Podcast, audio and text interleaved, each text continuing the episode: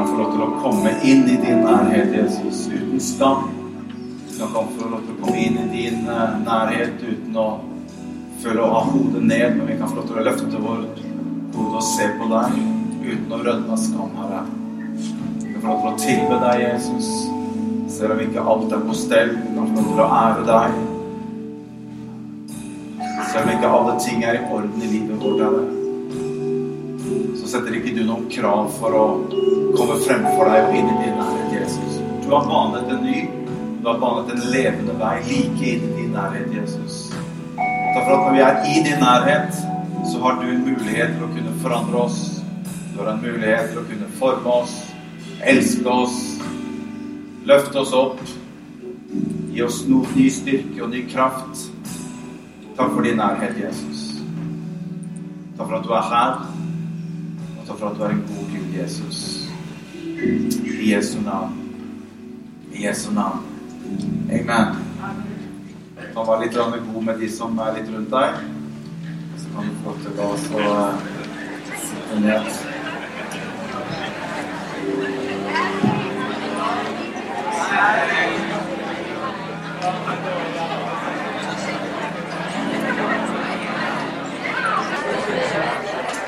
Takk skal dere ha, lovsangere. Sangere og musikere, dere er eh, fantastiske. Er ikke de flinke?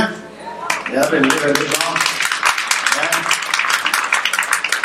jeg sto her og syntes det lukta, lukta sånn der nystekte et eller annet vafler eller sånt noe. Men det, det må være den gitarsoloen til Thomas som gjør at det, det lukta stekt her. Fantastisk. Veldig, veldig bra. Ja, vi kan gi Thomas en skikkelig applaus. Det er veldig bra. Det er, eh, det er, morsomt når vi kan få lov til å bruke gavene våre og talentene våre og være med og gi det til Jesus og være med på å spille mennesker i Guds nærhet. Det er veldig bra. Masse flinke musikere. Dere er veldig, veldig flinke. Det, det mener jeg fra jeg, jeg, jeg, jeg, kan spille litt, jeg også. Så jeg, det er ikke for å skryte, altså, men jeg har litt peiling, da, kan du si det sånn. For å si det sånn, kan du si. Ehm, men det er fantastisk å, å, sitte her og få lov til å bli betjent av en sånn gruppe med sangere og musikere. Det er, eh, det er, veldig, veldig bra. Amen. Ehm, vi, skal, vi, skal, eh, gå inn på den del to som eh, vi, vi, startet forrige søndag. Jeg vet ikke om, Hvis du ikke var her, som Åse sa, så vil jeg anbefale å gå inn og høre den talen til Knut Idland som var her og delte om dette med hjertet for huset. Vi har jo alltid i starten av året så har vi to søndager som vi setter litt sånn fokus på dette som har med Guds menighet og hvorfor gjør vi det vi gjør, og hva er kallet vårt, hva er tjenesten vår? Og så har vi to søndager som vi kaller for Hjertet for huset. Så i dag er det del to. Jeg, når, når, jeg var liten og jeg gikk på søndagsskolen, så sang vi en sang Jeg vet ikke om eh, den brukes noe mye nå, men vi sang en sang som het 'Jeg gleder meg ved den som sier til meg'. Er det noen som husker den? Jeg gleder meg ved den som sier til meg Vi vil gå til Herrens hus. Jeg gleder meg ved den som sier til meg Vi vil gå til Herrens hus. Og så var det sånn at kom det, så kom det den morsomste delen, for da skulle du spørre den som sto ved siden av, og så skulle han Gleder du deg da går vi på samme vei. Jeg gleder meg ved den som sier til meg Vi til Herrens hus. Jeg gleder meg ved den som sier til meg Vi vil gå til Herrens hus. Det er jo en, det er jo en, det er jo en eh, den, den teksten er jo helt klart inspirert fra Bibelen. Det der er jo en tekst som er hentet ut fra Salme 122. For der står det i vers 2 at jeg ble glad når noen sa til meg 'Vi vil gå til Herrens hus'. Og jeg tenkte litt på den sangen. Tenkte jeg skal ta utgangspunkt litt i den teksten som står der. Fordi at jeg opplever noen ganger at folk kommer til meg litt sånn utenfor gudstjeneste. Man kan treffe folk på, på et senter eller på gata, eller noe, så kjenner de meg igjen. Så kan komme bort til meg og si 'Du, jeg går i kirken din'. Og når jeg har hørt det noen ganger, så tenkte jeg ok, jeg skjønner på en måte hva du mener, men på en annen måte så tenker jeg at jeg må, jeg må reflektere litt over hva det du egentlig sier.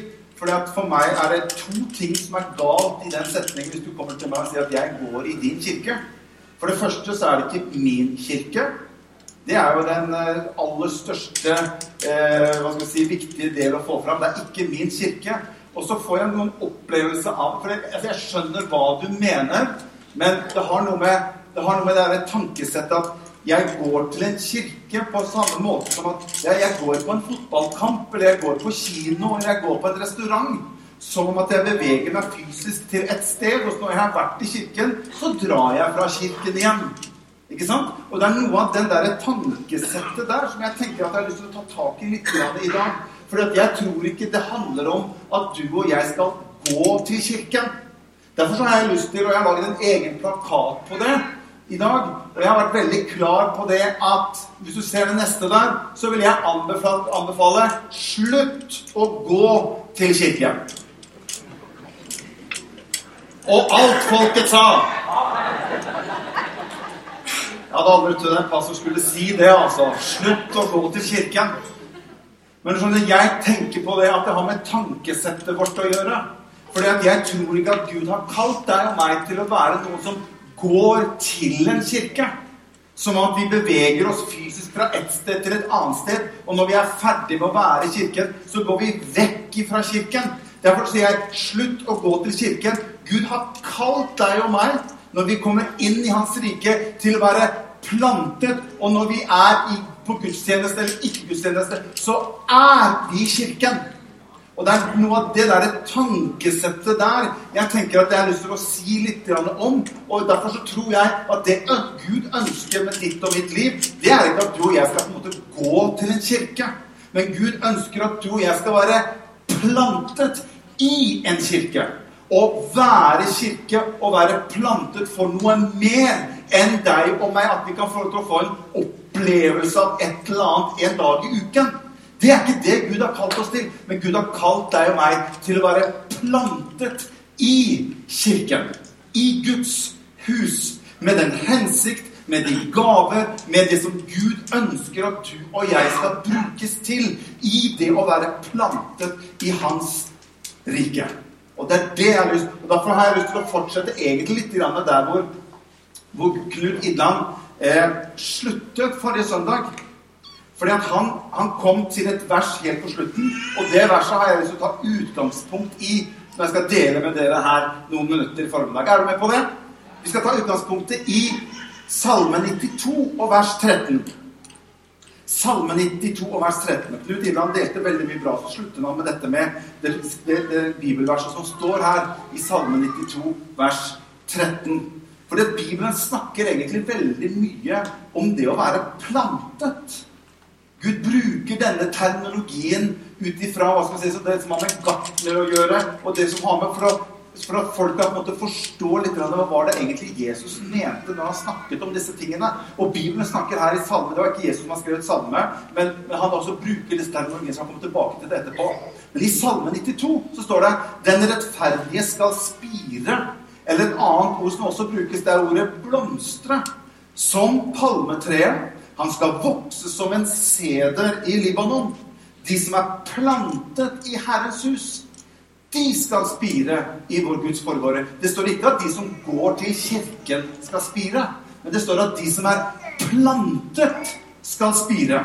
Og Det er den forskjellen der som jeg ønsker å ta litt og snakke med deg og meg om i formiddag. At det er forskjell på å ha et utgangspunkt til at jeg går i kirken litt innimellom og det å være plantet i Guds rike og i Guds kirke, det er to helt forskjellige ting. For Gud har ikke kalt deg og meg i første gang til å gå til en kirke, men han har kalt deg og meg til å være kirken. Så om jeg er her eller der eller der eller her, så er jeg kirken i mitt tankesett. Men Gud har noen forordninger rundt det om å være plantet. Og det er noe av det som jeg har lyst til å vise dere litt i formiddag. Er du med på det? Det står, at, det står at han skal spire eller blomstre. Ordet, jeg tenker Ordet 'spire' og 'blomstre' det er ikke akkurat noe som vi bruker veldig mye i dag. Det å blomstre. Ja, Åssen går det med deg? Jo, det, det blomstrer. Det er jo ikke akkurat et sånt ord vi bruker veldig mye. Jeg tror ikke man bruker det i gymmet hvis du trener liksom, og kommer til gutta. ja. Åssen går det? Jo, det blomstrer. Det er ikke akkurat sånn der eh, pumpeuttrykk at det blomstrer, men det er et veldig godt ord å bruke opp imot det som Gud tenker på når Gud snakker om at du og jeg er plantet. For det å blomstre har med å utvikle seg, det har med å vokse, det har med å ha fremgang, det har med å bli det som er tenkt på i utgangspunktet, i det frøet som blir plantet i jorden det kan få lov til å utvikle seg og bli det som det er tenkt til i utgangspunktet. Og det er det jeg tror å lese ut fra Guds ord, at Kirken, Guds menighet, det er et sted hvor Gud kan få lov til å la deg og meg være plantet nettopp med det formålet å hente fram det som ligger potensielt i deg og meg som et frø som er plantet i jorden. Og så bruker, bruker samme, forfatteren av salmen her Han bruker ordet palmetre. Spire eller blomster som palmetre. Vet du, palmetre, det, For det første så er det et tre som står veldig støtt. Det er vanskelig å rive et palmetre. Det er mange symbolikk, det er mange meninger med å bruke. Palmetre blir ofte brukt som et bilde på seier. Så når det har vært krig, og, og, og hva skal si, krigerne eller hæren kom tilbake etter å ha vunnet seier, så var det ofte at man brukte palmegrener for å hylle seierskongen som kom tilbake fra slagmarken. Så palmetreet er et bilde på seier. Og så står det at så står det videre at han skal vokse som en seder i Libanon. Husker da jeg var liten og leste det her seder i Libanon. Det sier meg absolutt null og ingenting. Men seder det er også et tre. Et sedertre.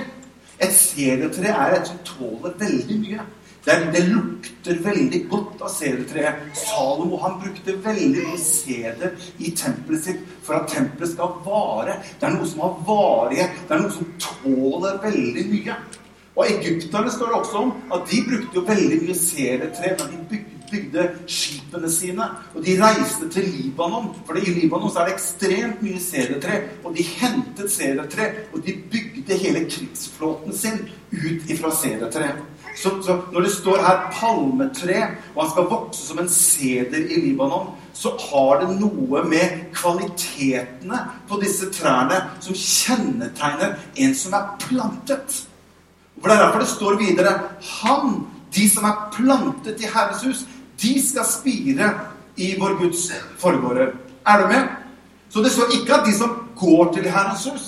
Nei, men det står at de som er plantet i Herrens hus, skal blomstre. Og så står det i vers 15, jeg syns det står veldig fint Ennå i høy alder skal de bære frukt. De skal være kraftige og frodige. Hva betyr dette her? Jo, det betyr at mitt liv og ditt liv det er som et såkorn. Ditt og mitt liv er som et såkorn som har et potensial i seg. Men for å hente fram det som du og jeg har i oss, så snakker Bibelen om at det trengs å bli plantet. Det er kun ut ifra å bli plantet at det som er i et såkorn, kan komme til live. Du henger med på det? Du, er med på det? Er det noen gartnere her som er flinke med litt sånn, sånn som har grønne fingre? Er det noen gartnere her? Det er ikke noe gartnere her, nei. nei. Da må vi forklare dette her i detalj, vet du. For dette her er helt grønt for noen, vet du. Vi har fått noen grønne planter hjemme hos oss, og Anette har sagt at det er ikke så veldig mange grønne planter som trives hjemme hos oss. Det kan ha sine årsaker. De er ikke så veldig grønne av oss. Den hagen hos oss, den eh, hadde også trengt litt kjærlighet og omsorg. Men det kommer, det kommer etter hvert. Men det har noe med forståelsen av at for at det som ligger i et såkorn, skal bli synlig, så trengs det å bli plantet. Og Jesus han snakker noe veldig fint om dette her i Matteus kapittel 13. Jeg har ikke tatt med det her, men dere kanskje kjenner til når Jesus snakker om denne såmannen som gikk ut for å så. Så står det han sådde såkorn. Han sådde, han sådde, han sådde såkorn. Og så sier, så sier, Jesus at noe falt ved veikanten, står det. Og noe falt i stengrunn. Noe falt blant torner og tistler. Og så står det at noe falt i god jord. Så sier han det som falt langs veikanten, der står det der var jorden så veldig hard. Slik at såkornet fikk ikke slått noe rot. Det fikk ikke begynt å vokse, fikk ikke, fikk ikke begynt å sette røtter. Og da sier Jesus at da kom fuglene og tok bort det kornet. Og det kornet ble ikke det det egentlig kunne ha blitt. Fordi at det ble tatt bort før det fikk begynne å sette rot. Og så sier han at det som falt fra en stengrunn, står det. det står det, Der var det litt mer jord, så den fikk begynt å sette noen røtter. det kom så vidt opp. Men så står det, men da solen kom med all sin hete, står det, da, da brente, den, da brente den, den lille eh, planten, så den greide ikke å overleve. For den var for liten og hadde for lite små røtter i forhold til den utfordringen som solen kom med på dagen. Og så står det at noe falt blant torner og tistler. Og så står det når det begynte å vokse til, så ble det kvalt av tornene og tistlene rundt det. Og det står at tornene og tistlene, som er et bilde på, på bekymringer som vi kan ha Og det, Jesus sa til og med at en torne og tistel kan være rikdommens forførelse, sier Jesus. Sånn at bekymringer og rikdommens forførelser, eller alt vi ønsker å få oss Så sier Jesus vær forsiktig så ikke disse tingene her kvele det som er potensialet i såkornet, slik at ikke det får blitt det det hadde tenkt til i utgangspunktet. Men så sier Jesus men det var noe som falt i god jord. Og når det fikk komme i god jord, da begynte det å skje noe med den, det såkornet. Så den bar mye frukt. Og det er det som er bildet og ønsket fra Guds side for ditt og mitt liv. Det er at han har mye fruktpotensial i deg og meg. Og så det bar 30, 60 og 100 fold, står det. Og det er det som er så fantastisk med at når du og jeg begynner å bli plantet, og vi begynner å vokse så har Gud et enorm mulighet igjennom ditt og mitt liv til å få fram det som Gud har lagt på innsiden av deg og meg i våre liv. Men vi er nødt til å la det få lov til å spire fram. Og vi er nødt til å være i en setting som gjør at jeg har mulighet til å begynne å vokse, og det som ligger i meg, kan komme til syne på utsiden i livet mitt. Henger du med? Hva betyr det å være plantet. Jeg har lyst til å si bare dere to ting her. Hva er det som er viktig når vi er plantet som en plante? Jo, punkt nummer én Mine røtter må vokse dypt.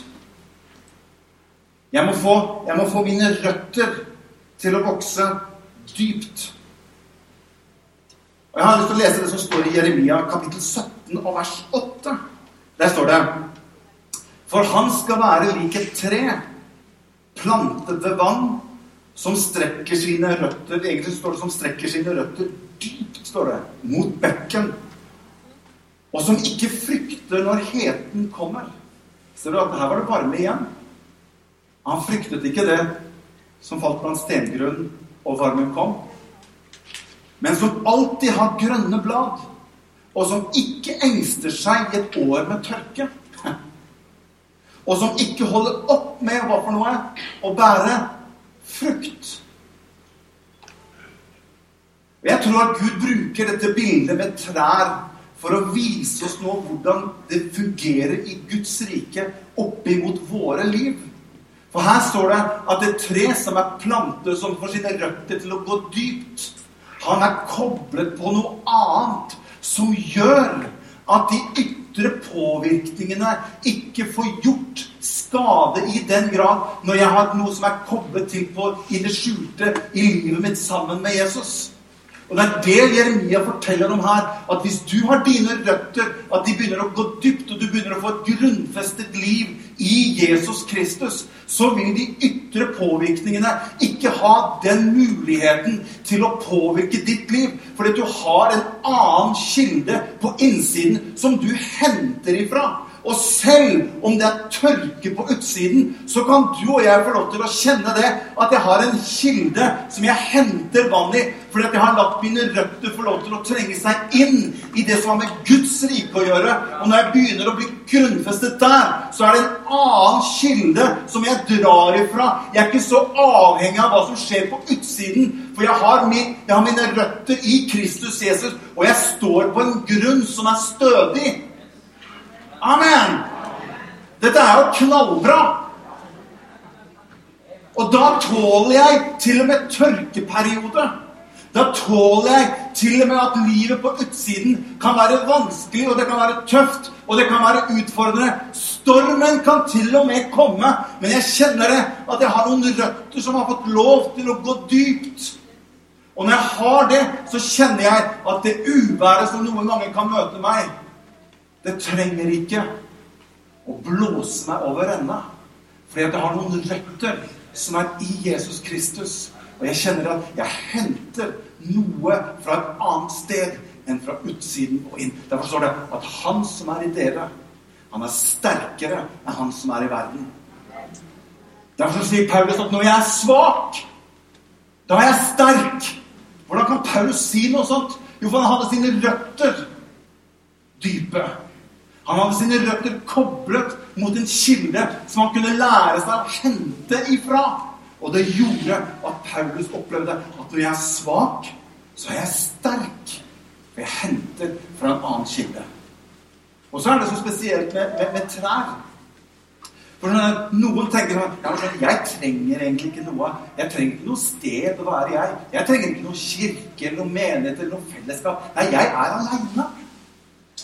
Vet du hva? Hvis du hadde sett under jordoverflata i en, i, i en skog med trær, så er det ikke sånn at når, når, når, røttene, når, røttene, begynner å vokse under jorda, så er det ikke sånn at 'Å, å der kom han bort til meg.' 'Å, ikke kom bort til meg.' Du vil ikke finne ut at det er ingen røtter som berører hverandre under jordoverflaten. Vet du hva som skjer? Under jordoverflaten så har røttene tendens til fra tre til tre å vokse sammen å koble seg sammen. Og vet du hva som skjer? De henter styrke og kraft i det å stå sammen under jordoverflaten. Og de utvikler til og med sin egen måte å hente opp vann til fordel for hverandre. Jeg kan bare lese om det. Jeg har litt av gartneren i meg, skjønner du. Her er det mye potensial. Jeg har ikke kommet helt fram ennå, men, men jeg, jeg, teorien er litt der, da. Så vi skal, vi skal få øst litt kjærlighet over hagen vår etter hvert. Ja. Men det er det som skjer. Det er ikke sånn at nei, jeg orker ikke å være borti noen andre. Nei, jeg trenger ikke noen andre.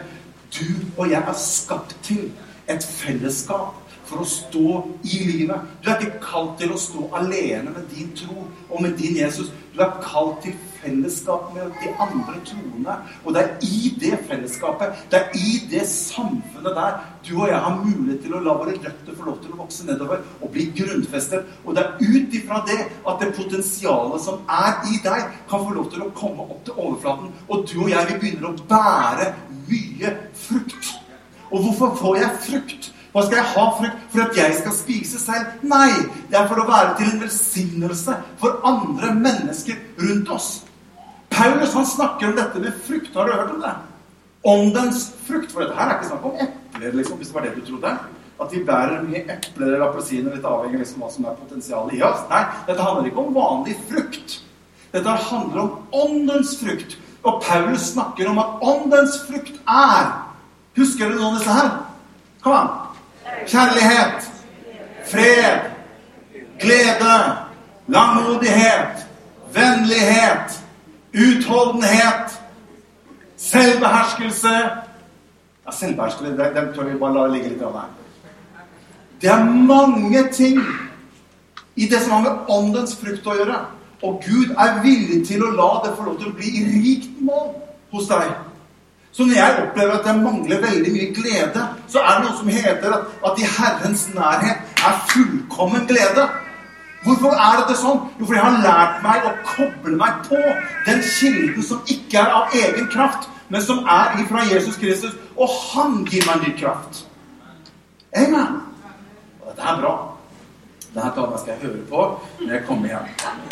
Amen.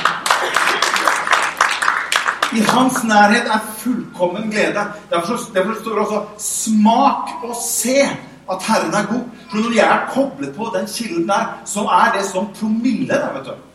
Når jeg går på en slags form for himmelsk promille Jeg trenger ikke noe alkohol for å oppleve glede eller fred i mitt liv. Jeg er kobla på en annen kilde. Smak og se, så kan du få lov til å oppleve det at det fins en kilde som gir deg noen ganger det som verden av og til søker, f.eks. gjennom Jeg trenger ikke det. Og jeg er, i dag er jeg en drug dealer. Come and taste, and it's free. And it's a lot more where it comes from. Kom igjen. Er det det her? Smak og se at det er godt. Koble deg på. La dine røtter få lov til å koble deg på Guds rike.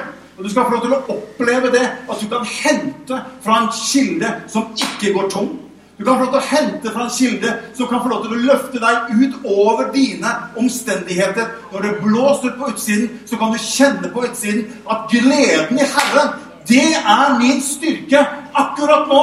Nå kjenner jeg ikke at jeg har så veldig mye glede på utsiden, men han, opplever jeg, gir meg noe på innsiden som bærer meg igjennom når ting er vanskelig. Om jeg går i dødsskyggens dal, så skal jeg ikke frykte for noe vondt, for han er med meg. Hans kjepp og hans stav, de trøster meg. Når jeg møter noe som er vanskelig, så kjenner jeg det at jeg er koblet på en kilde. Han lar meg ligge i grønne enger. Han leder meg til vann der jeg kan få å finne hvile.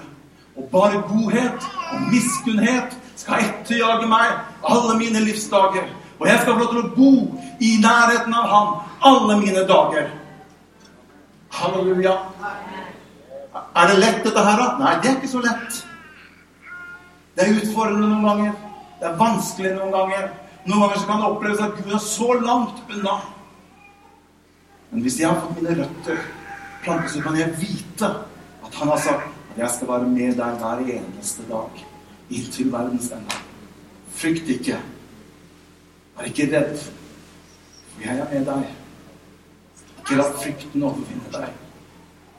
Ikke la mismot få ta tak for mye ditt sinn. Ikke la depresjon få lov til å binde deg opp. Og ikke la angsten få lov til å slå seg ut i kroppen din. Men få dine røtter plantet dypt ved kilden av hans vann. Du skal få til å kjenne det, at du kan få lov til å øse fra noe som er sterkere enn deg selv. Det er en hilsen til mennesker her som sitter her. Far, jeg takker deg for hver eneste som er som er her.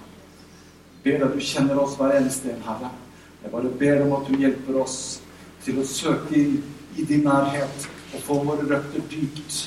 Så vi kan få lov å, få lov til å hente ifra din kilde inn i våre liv.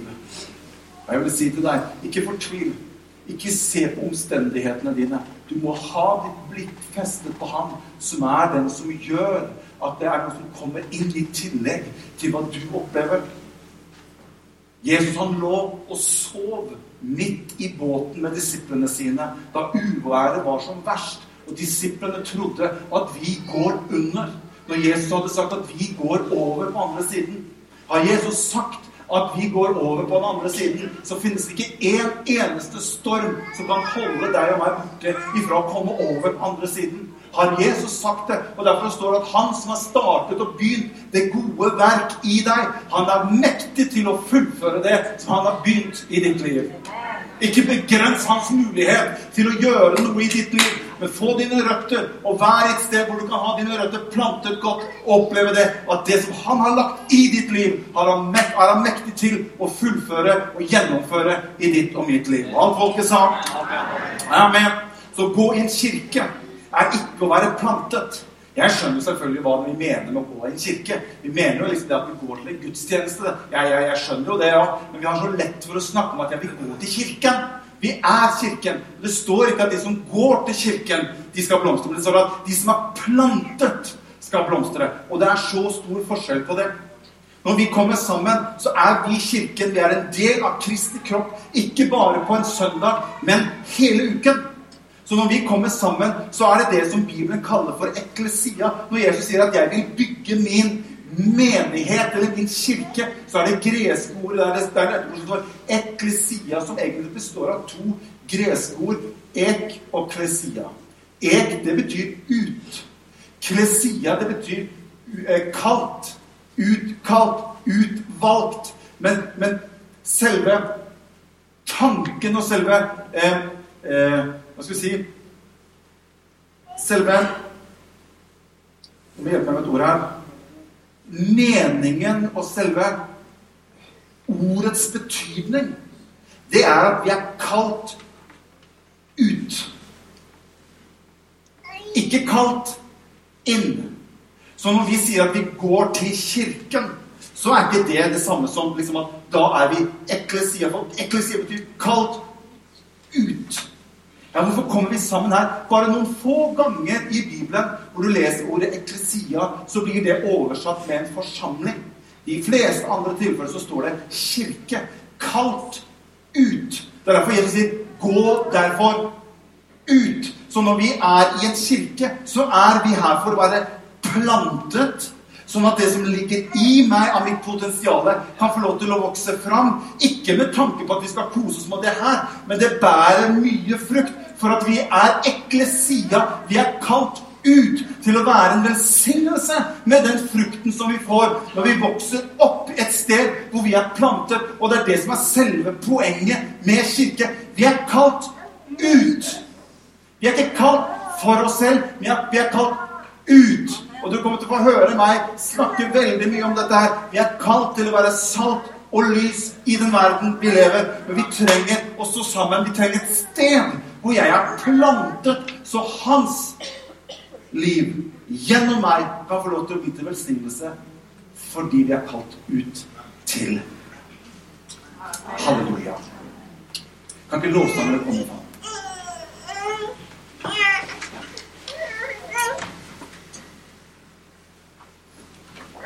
Jeg har bare lyst til å si noe helt til slutt. Jeg tror at den største utfordringen som Åh øh, Andpusten. Jeg tror den største utfordringen for, for Kirken i den vestlige verden, det er at vi kan veldig lett bli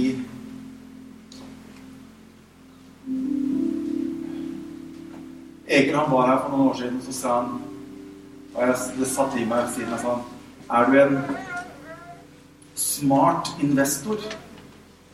Eller er du en kresen kunde? Og det er sant. Det satt i meg.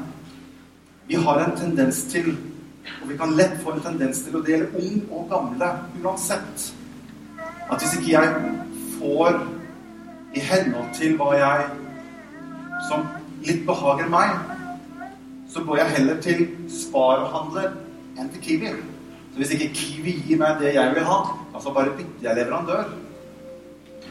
Og hvis ikke Skeida gir meg det, ja, så bytter jeg bare til en annen. Og det har jeg fullt lov til.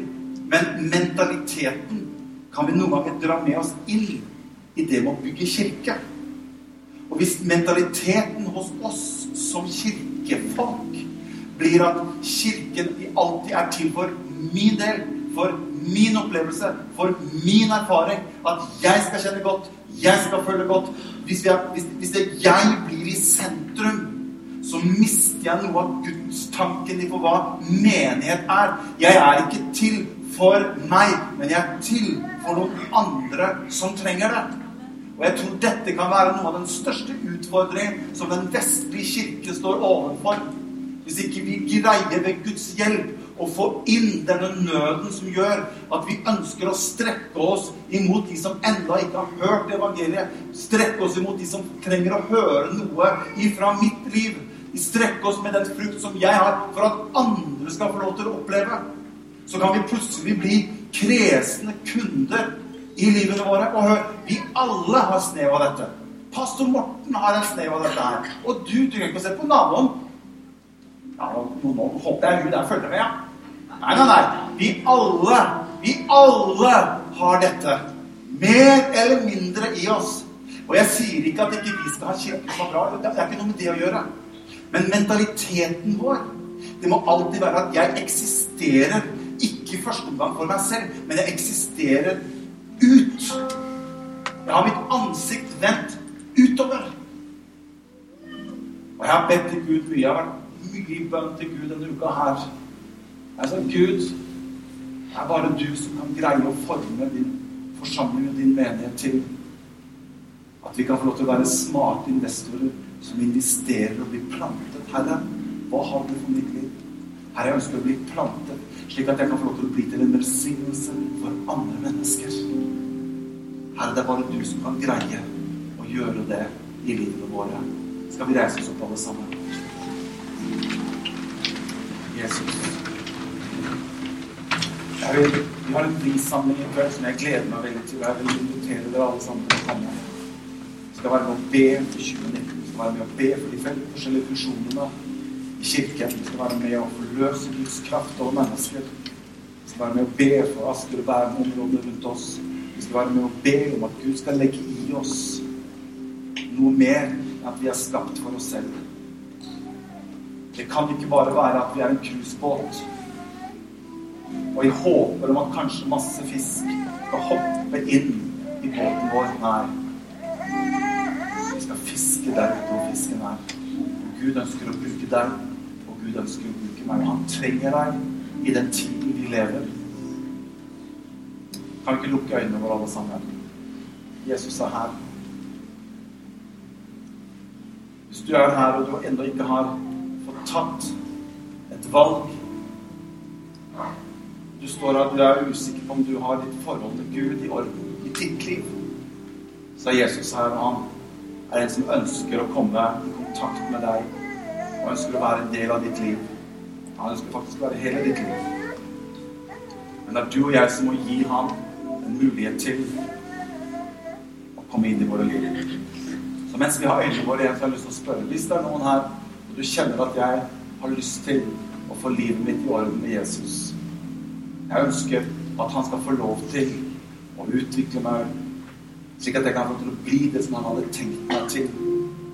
Hvis du er her og du ønsker at vi skal bare be for deg, så kan du få lov til å løfte opp en hånd. Så skal jeg faktisk bare be for Du skal få slippe å komme fram. Jeg ønsker bare at du løfter opp en hånd med Jesu navn. Så skal vi be for deg der du står. Du kjenner at jeg trenger å få livet mitt i orden med Jesus, i orden med Gud. Er det noen her? Løft opp en hånd. Jeg kan se den. Jeg får lov til å ta den ned igjen. Jesus.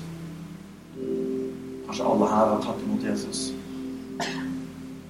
Halleluja. Spør en gang til. Løft opp en hånd. Bare når jeg ser du så kan du få ta den med deg. Jesus.